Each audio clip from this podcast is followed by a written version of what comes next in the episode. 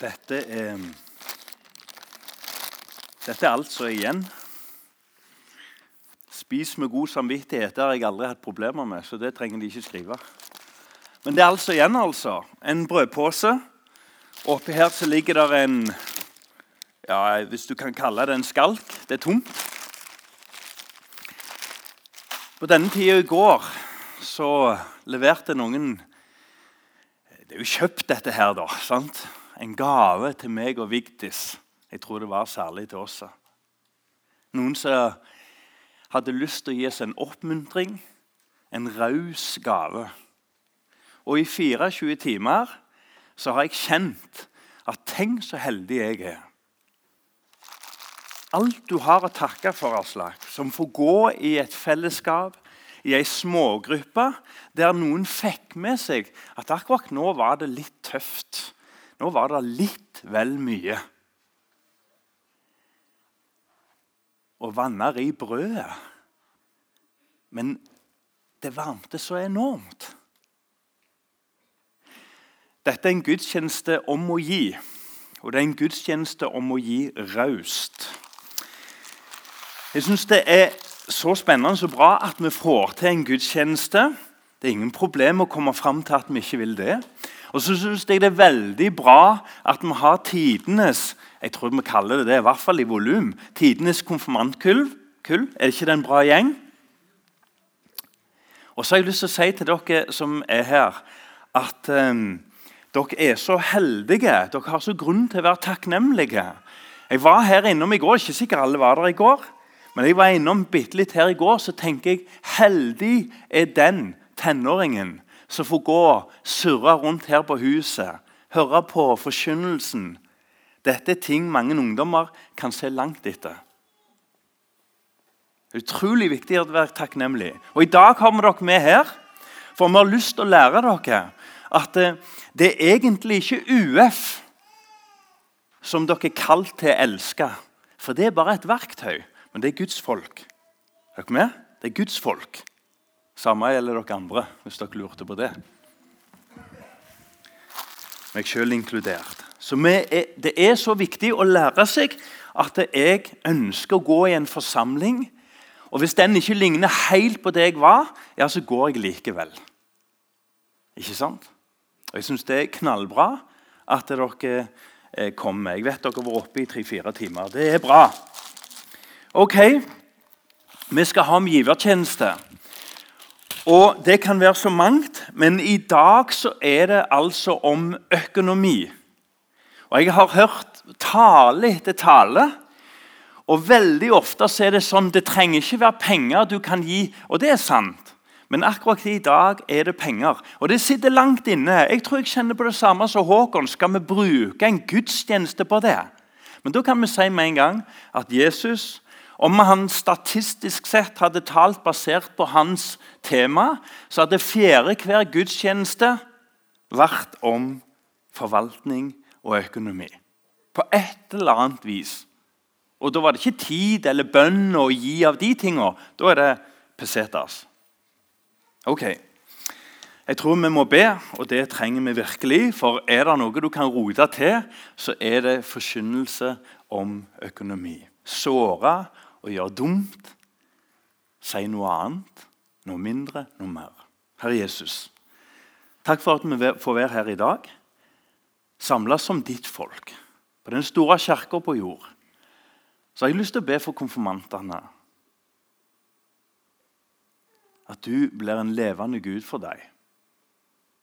At du, Jesus, ikke bare er en figur, men du er selve kongen. Og for oss. Jeg ber Herre om at akkurat i dag så kan vi få vokse som disipler, sånn som du vil. Og Jeg ber om at din ånd er iblant oss på en sånn måte at vi ser deg og ditt rike. Jesu Kristi navn. Amen. Teksten som vi har brukt i høst, har vært um, 'Pris hans navn', eller headlineren. Og så har vi brukt Salme 96. Gå gjerne hjem og les den. Du blir ikke veldig tungsinna av å lese Salme 96.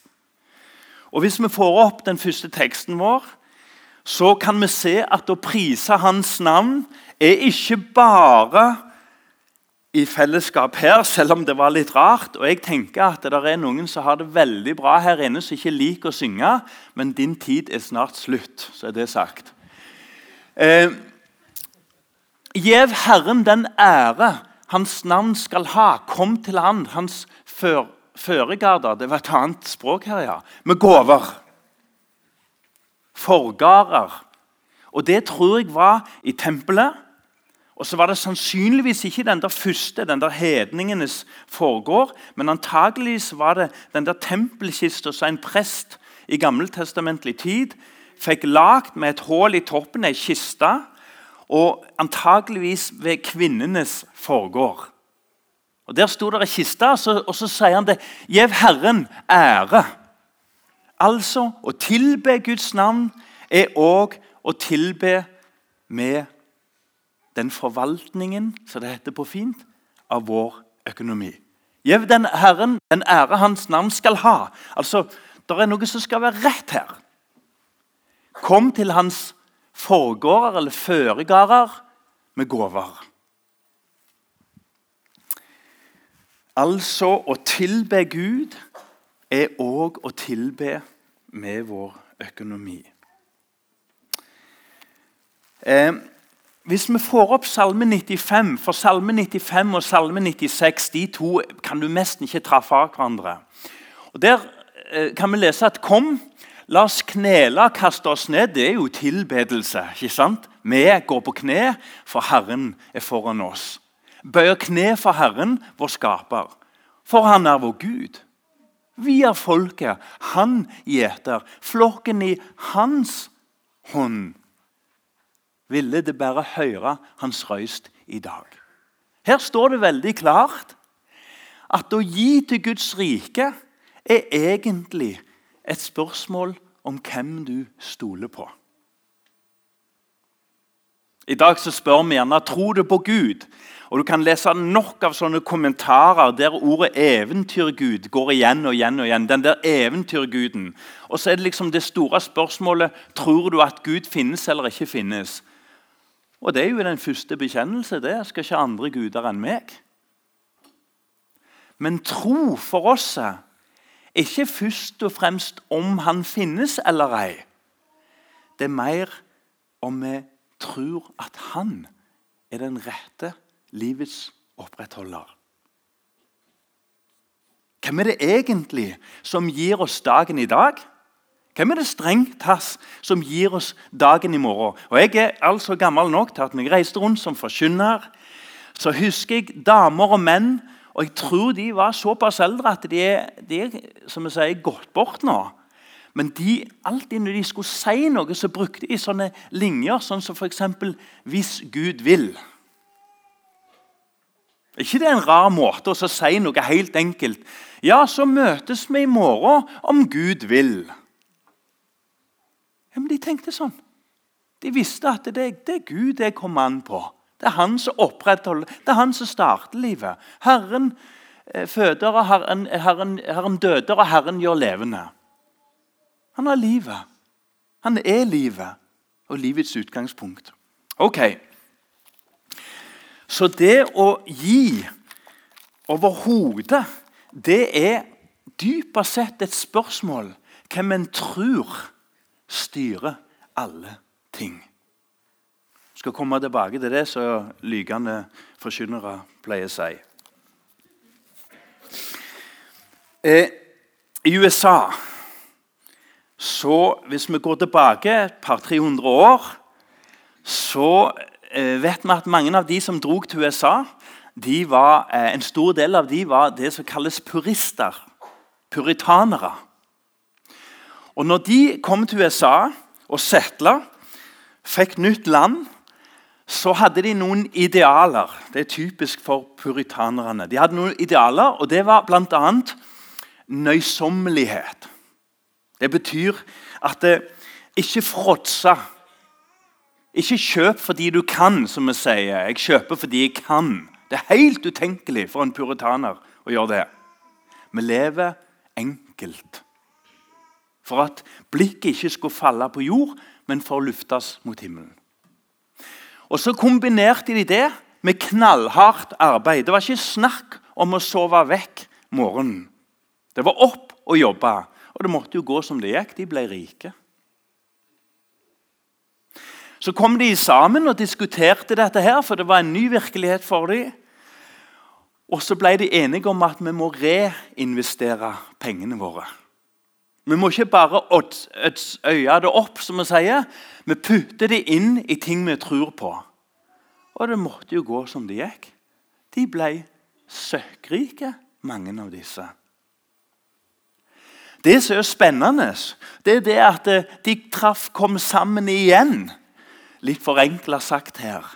Og så begynte de å bygge ting som var mye større enn det der forvaltning i seg sjøl, å leve enkel og jobbe hardt.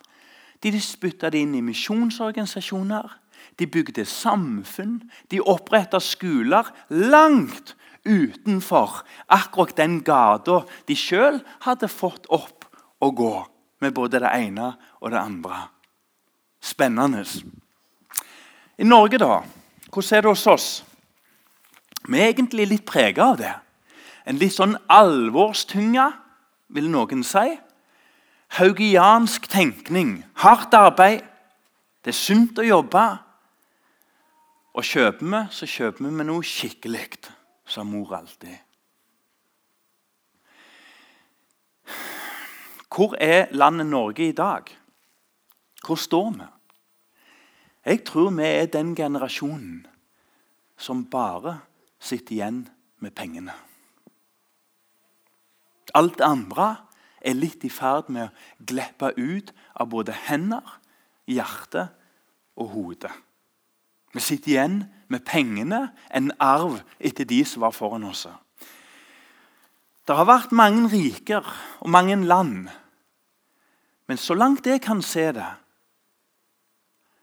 så har aldri et folk i sum vært så rik som det norske folk. Aldri i historien, så langt vi vet. Og Det er det ingenting galt i. Skal ikke ha skam for det. Ikke bibelsk, det. Men det er nesten litt sånn berøringsangst for overhodet å si noe om økonomi. Og det er litt rart, for hvis vi nevner økonomi, så er det en ganske stor iver til at vi må ikke mase om penger. Så er det en ganske stor iver på at ingen må bli plagt med det og det. og det. Nesten en litt sånn 'ikke snakk om det'. Og jeg har lyst til å si med en gang at la oss snakke både tydelig, men òg litt sånn forsiktig òg. For det er kjempevanskelig økonomi. Visste du det at det er, er det er den viktigste grunnen. Og så er det ikke så, så, enkelt. Men det er den største faktoren, den tyngste faktoren for skilsmisser, samlivsbrudd. Det er økonomi, uenighet økonomi, stress rundt økonomi og dysfunksjon rundt økonomi. Mens her på bedehuset har vi ikke lyst å plage hverandre med det temaet. La oss få opp 2. Korinterbrev, kapittel 8. For Da får vi et folk som ligner litt på den situasjonen vi er i. Vi er i Korint. Og Det var liksom det, det, var, det var hjertebarnet til Paulus. En menighet som hadde mange slagsider. Men eh, han elska denne menigheten særlig høyt, og det ble en veldig stor menighet. Jeg har lest en plass at de ble 25 000 og, og I den tid så var, var, det noe voldsomt med folk. Eh, og, og Korint, før, vi, før, vi, leser dette her, I Korint det var en by som lå ikke så langt ifra Aten, ut mot kysten. og Det var en havneby, og så var det sånn båttrekk der. Som gjorde at eh, de kom med varene inn i byen, og så trakk de det over land. og Det sier seg selv, det var jo økonomiske sluser. Skal du videre, betaler du til oss. De var liksom i et veikryss. Og de ble rike, og vel så det. Og Romerne spytta òg inn penger i denne byen, og mange rike flytta dertil. Kunne minne litt om Rogaland. Og Så skriver Paulus til, dette, til denne menigheten, og bakgrunnen er at han har nettopp vært i, eh, i um, uh, Hva heter det nå? Hjelp meg, da. Det heter um, Han har akkurat vært i Ja, det kom i teksten. Makedonia. Sorry. Og det var en fattig menighet. Lutfattig. Og Det var liksom et forbilde. Se på Makedonia. Vi vil nå kunngjøre dykk, altså søsken. Bare legg merke til det er søsken, det er ikke de der som ikke har den samme stilen som oss. Det er søsken. Hva nåde Gud har vist forsamlingene i Makedonia. For selv om de har vært hardt prøvde i sin nød, har den overstrømmende glede og dype fattigdommen deres har gjort dem rike og villige til å gi. Altså, De er fattige, men det er de som er rike. De oppe i Makedonia. De ga, ga etter evne. Det kan jeg vite. Ja, over evne. Og det er frivillig inderlig ba dem om å få være med på grove sammen med oss i denne tjenesten for det hellige. Og de gav ikke bare slik som vi håpa. Nei, seg sjølve ga de. Først til Herren, og så til oss, som Gud vil det. Jeg tror det er litt til. Derfor ba vi Titus om å gjøre ferdig den gåva han hadde alt hadde børja på hos dykk. De, altså Korint, dere i Rogaland, har overflod av alt, av tru og tale av kunnskap og iver og kjærligheten fra oss, den som nå bor i dykk, så må det òg la overflåta vise seg i denne gåva. Jeg sier ikke, Det er egentlig Paulus sier her. Vi snakker om penger nå. Det er ikke raushet som et ord liksom, som du bruker, men nå snakker vi penger. La det vise seg. For å prøve om kjærligheten deres er ekte. Det kjenner vår Herre Jesu Kristi nåde, at han for deres skyld ble fattig da han var rik, så det ved hans fattigdom skulle bli rike. Og Den siste setningen er selve forbildet. Det er to fattige her ute og går. Det ene er makedonerne, som har levd under krig og borgerkrig, sult, plaging, forfølgelse. De hadde ikke nåla i veggen. De sult, sulta. Og så var de forbildet. For de gav. Og så ga de ikke bare til sin egen menighet. De hadde ingenting, men de drev og sponsa og investerte og reinvesterte i byer som hadde langt mer enn dem. Hva er det som er bånden her nå? Hva var det som gjorde at dette her gikk an? Vet du hva? Grunnmuren var nåde. Det var ikke fordi de måtte. Det var ikke fordi at hvis jeg gir 100 kroner, så skal Gud gi meg 1000 igjen. Det kalles giring. Eller pyramide, om du vil. Nei, det var fordi at Vet du hva? For intet har du fått det. For intet skal du gi det. Det var en mann. Han kunne virkelig økonomi. Jeg tenker at det, det var vel knapt en person i den byen som klarte å lure så mye som ei krone. Han sloss for hvert øre. Det var ikke en rettssak som ikke han egentlig kom rikere ut av enn han gikk inn i den. En dag sitter han i et tre søkkrik, kjøpte venner, fest og basar. Og han som har jagd etter suksess Har dere sett bilde av Ronaldo sine leiligheter? Økonomisk frihet. Han som jager etter mening med livet og bare finner tomhet etter tomhet. Og så Hvis David hadde satt seg ned med han, kong David og så, nei, Salmo og sagt Er ikke det jag etter tomhet? Så tenker jeg Sakkeus hadde kjent seg veldig igjen. Men han som hadde øynene festa på det som kunne gjøre han lykkelig han møter lykken som ser han sjøl. I, 19, I 2006 var det en undersøkelse midt i Norges tidenes opptur, der vi år etter år ble verdens beste land å bo i. Vi var ikke engang innen de 100 mest lykkelige i verden. Det var ei øy en eller annen plass, jeg ikke husker hvor var, og Colombia var på toppen av lykkelige mennesker. Norge kom ikke engang blant de 100 lykkeligste, og særlig blant unge. Og Der sitter Sakkeus i treet. Så møter han Jesus. Og han som så etter rikdom, ble sjøl sett. Så går han helt bananas.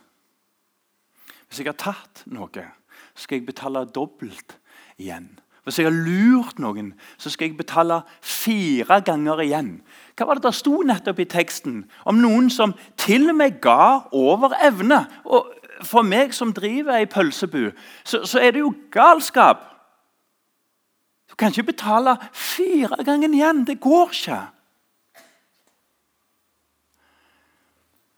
Men han som kunne matte, han ble fulgt av en kjærlighet fordi plutselig så var det noe større enn denne verdens tomhet. Under her, eller jeg begynner her borte Bak her så er det et dåpsfat. Og Vår Herre spør ikke etter kubikk og, og antall liter vann. Men òg under her så er det altså spart ut, som vi sier, for et, et, et basseng. Et dåpsbasseng. Og Litt av poenget med dåpen er at vi går ned og både fysisk og åndelig drukner vårt jeg. Og så står vi opp med kraften, oppstandelseskraften. Det er liksom ikke en eller annen gudskraft i det blå, men det, det er henvist til Jesu Kristi, altså på første påskedag. Den, den, den kraften Gud bruker for å reise seg sjøl ut av dødsriket, den kraften Intet mindre. Den er det et barn tas ut av. Den er det en voksen stiger opp av. Tenk så spennende. Jeg får sikkert kjeft for dette, her, men det blir noen trapper her eller noen trapper der. Vi er ikke helt enige. Aller helst skulle vi hatt på begge sider hvis vi får plass. Tenk om vi kunne stege ned som eiere og stege opp som forvaltere.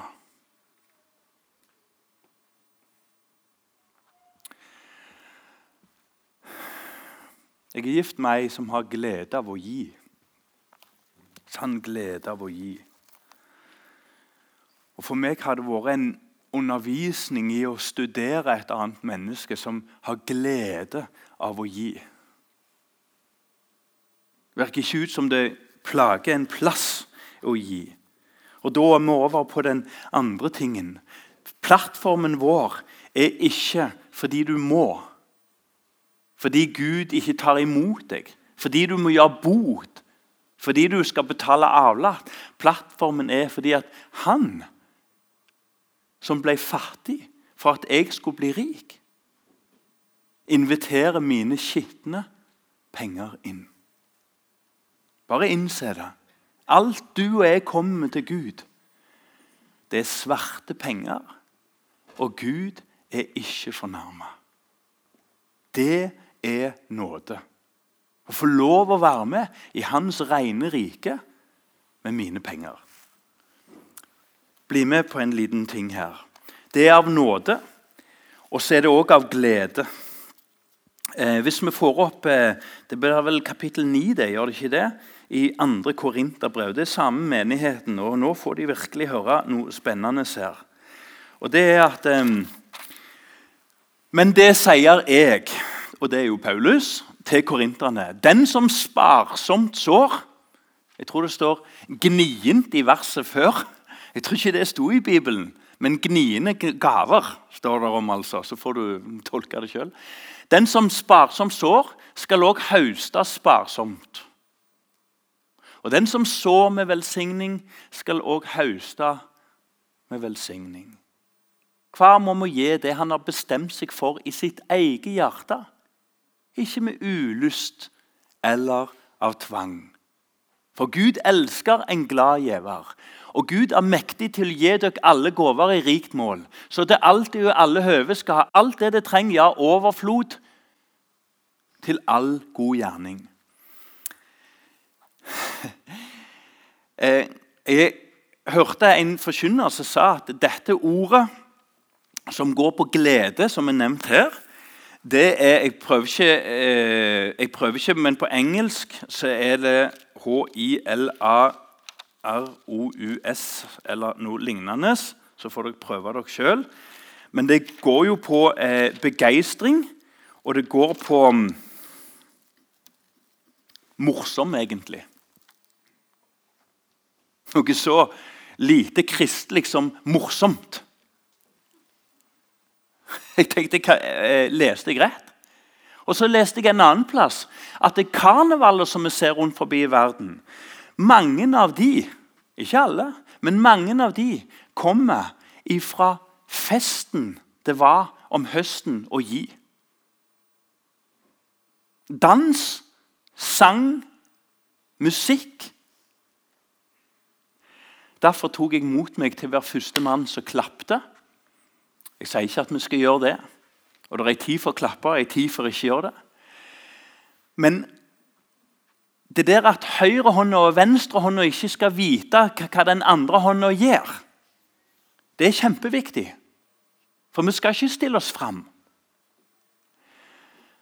Men å få lov å være med og gi er å få være med på en gedigen fest. Når huset ble bygd her, så var jeg litt bekymra. Mest over meg sjøl. Jeg var ikke bekymra for om vi klarte det, Håkon. For det, det, må jo bare gå godt. Det er masse penger. Det er i feil lommebok, som en sa. Men eh, jeg var mer bekymra for mitt eget jeg, for jeg kjenner mitt indre. At jeg har så lett for å se alle de som ikke er der, og halvt irriterer meg over det. Så kommer jeg ned her, og så dør den der tanken litt og litt og litt. Og så er det bare en fest og Så går jeg ikke rundt og tenker på alle som skulle vært her. Men jeg, jeg får stå i en sånn enorm fellesskap og få reist dette huset. Jeg er sliten, innrømmer det.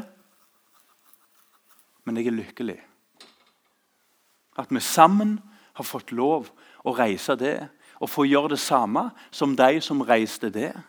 Og få gjøre det samme som de som reiste noenlunde her en plass. Det første gudshuset reist av lekfolk. Og Vi lever i ei tid nå der i morgen eksaktlig så skal det avgjøres hvorvidt retningen tar for støtte og økonomi. Og jeg tror at vi skal få den store gleden av å få lov å finansiere ikke bare vårt, men mange andres arbeid. Det er ikke en last. Det er en glede å få lov å bære både sitt eget og andres. Det er jo det Paulus appellerer til her i Korint. Dere har overflod. Når Makedonia kan gi til dere, hva kunne ikke dere gjort for alle andre? For en fest, altså. En glad giver, Håkon. Du sa det meget presis. En glad giver en som altså Det er gleden som oppstår når pengemakten og sjøldyrkinga slipper taket, og vi blir glade forvaltere. Det er når du oppdager at du trenger det vel så mye sjøl som de fattige trenger det.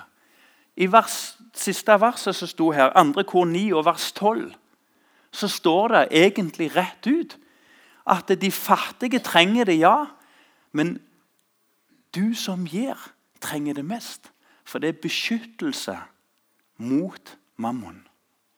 Å gi, det kan jeg love dere, er begynnelsen på en mur som bygges mot denne verdens mammon. Intet mindre. Det er svære greier vi holder på med. Mot slutten så skal jeg ta fra meg noen kjappe prinsipper. Tre prinsipper om givertjeneste. Og vi skummer gjennom dem, fordi de har bare litt forskjellige vinkler. Det er først fast og raust. Husker du det? Givertjeneste kommer først. Det skal være fast. Og vi oppfordres til å være raus. Eh, når det gjelder først, se for deg en bonde som sår. Følger med på avlingen. Kjør til, luker, vanner. Men veksten er utenfor bondens kontroll. Den hører Gud til.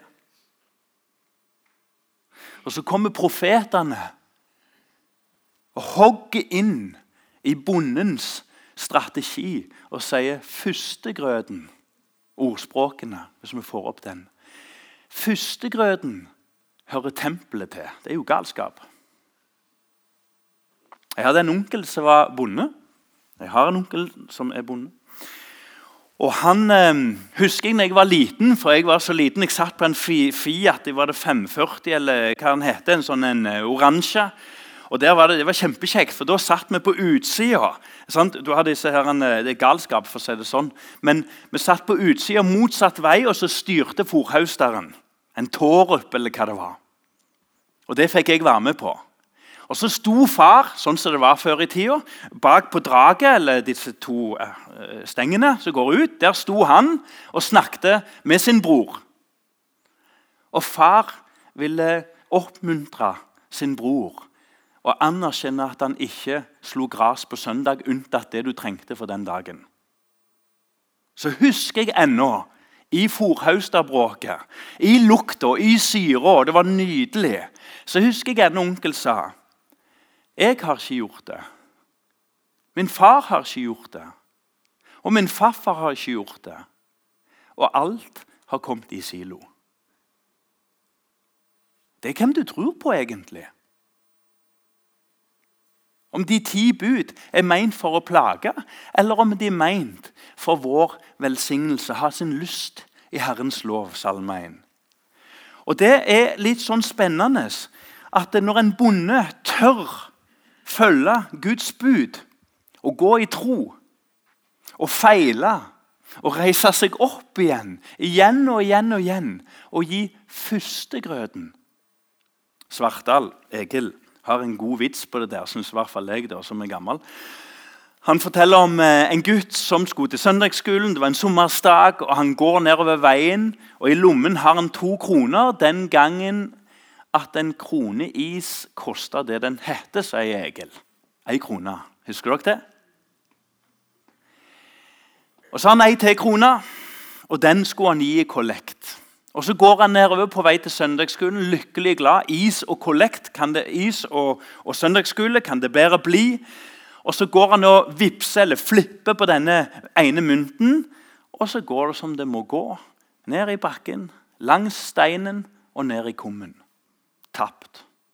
Så kikker han opp og så ser han, der Gud mista ei krone di. Og du ser bildet.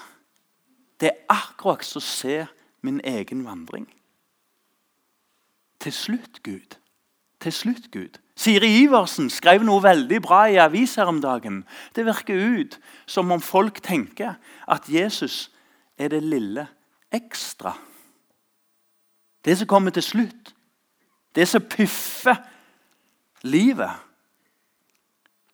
Men vi er kalt til å sette det første vi får, det å sette av til Guds rike.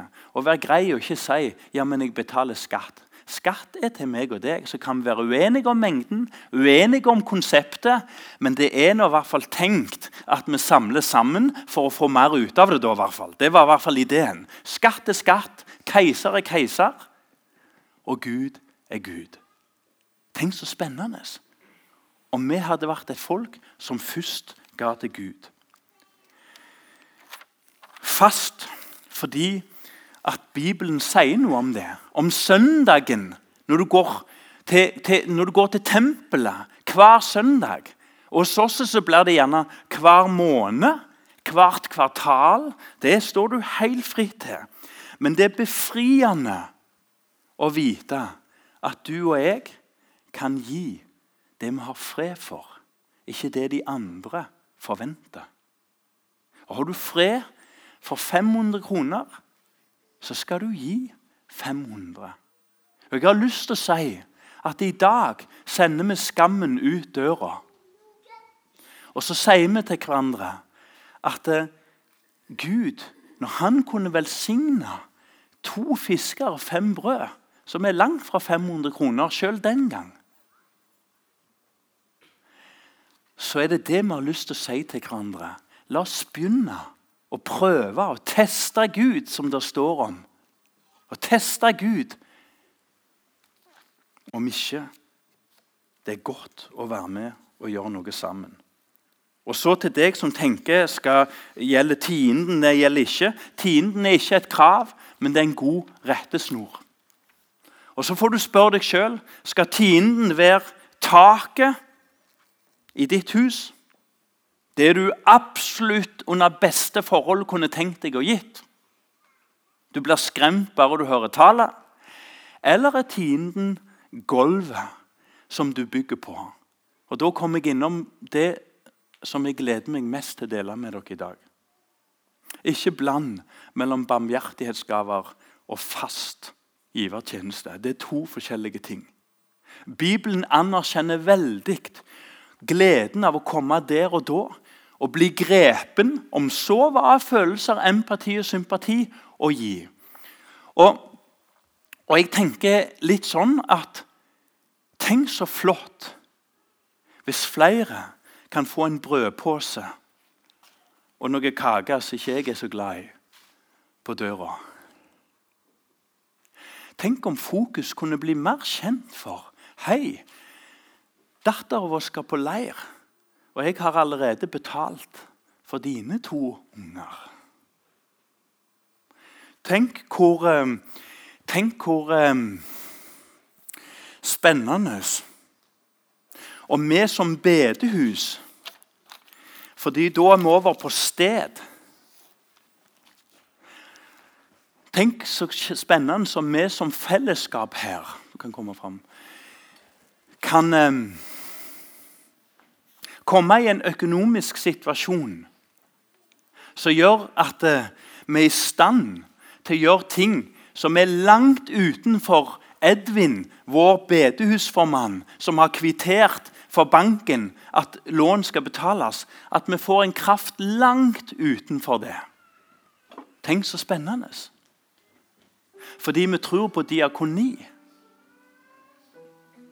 Fordi vi tror at når Gud har velsignet oss sånn, så var det fordi han ville velsigne oss rikere i å bli salig gjennom å gi. Lykkelig gjennom å gi raust. Fordi en kvinne en dag mista hodet og tok ei nardussalve som var ei årslønn, godtfolk. Si 500 000. Ei årslønn. Og i et fortapt kjærlighetsøyeblikk så heller hun over denne olja. Over evne. Jeg har lyst til å være med på noe langt større enn å reise opp et gudshus. Jeg har lyst til å være med på Guds store misjonsplan for én og én her på jord. Er tienden gulvet du står på, eller er det makstaket over hodet? Guds velsignelse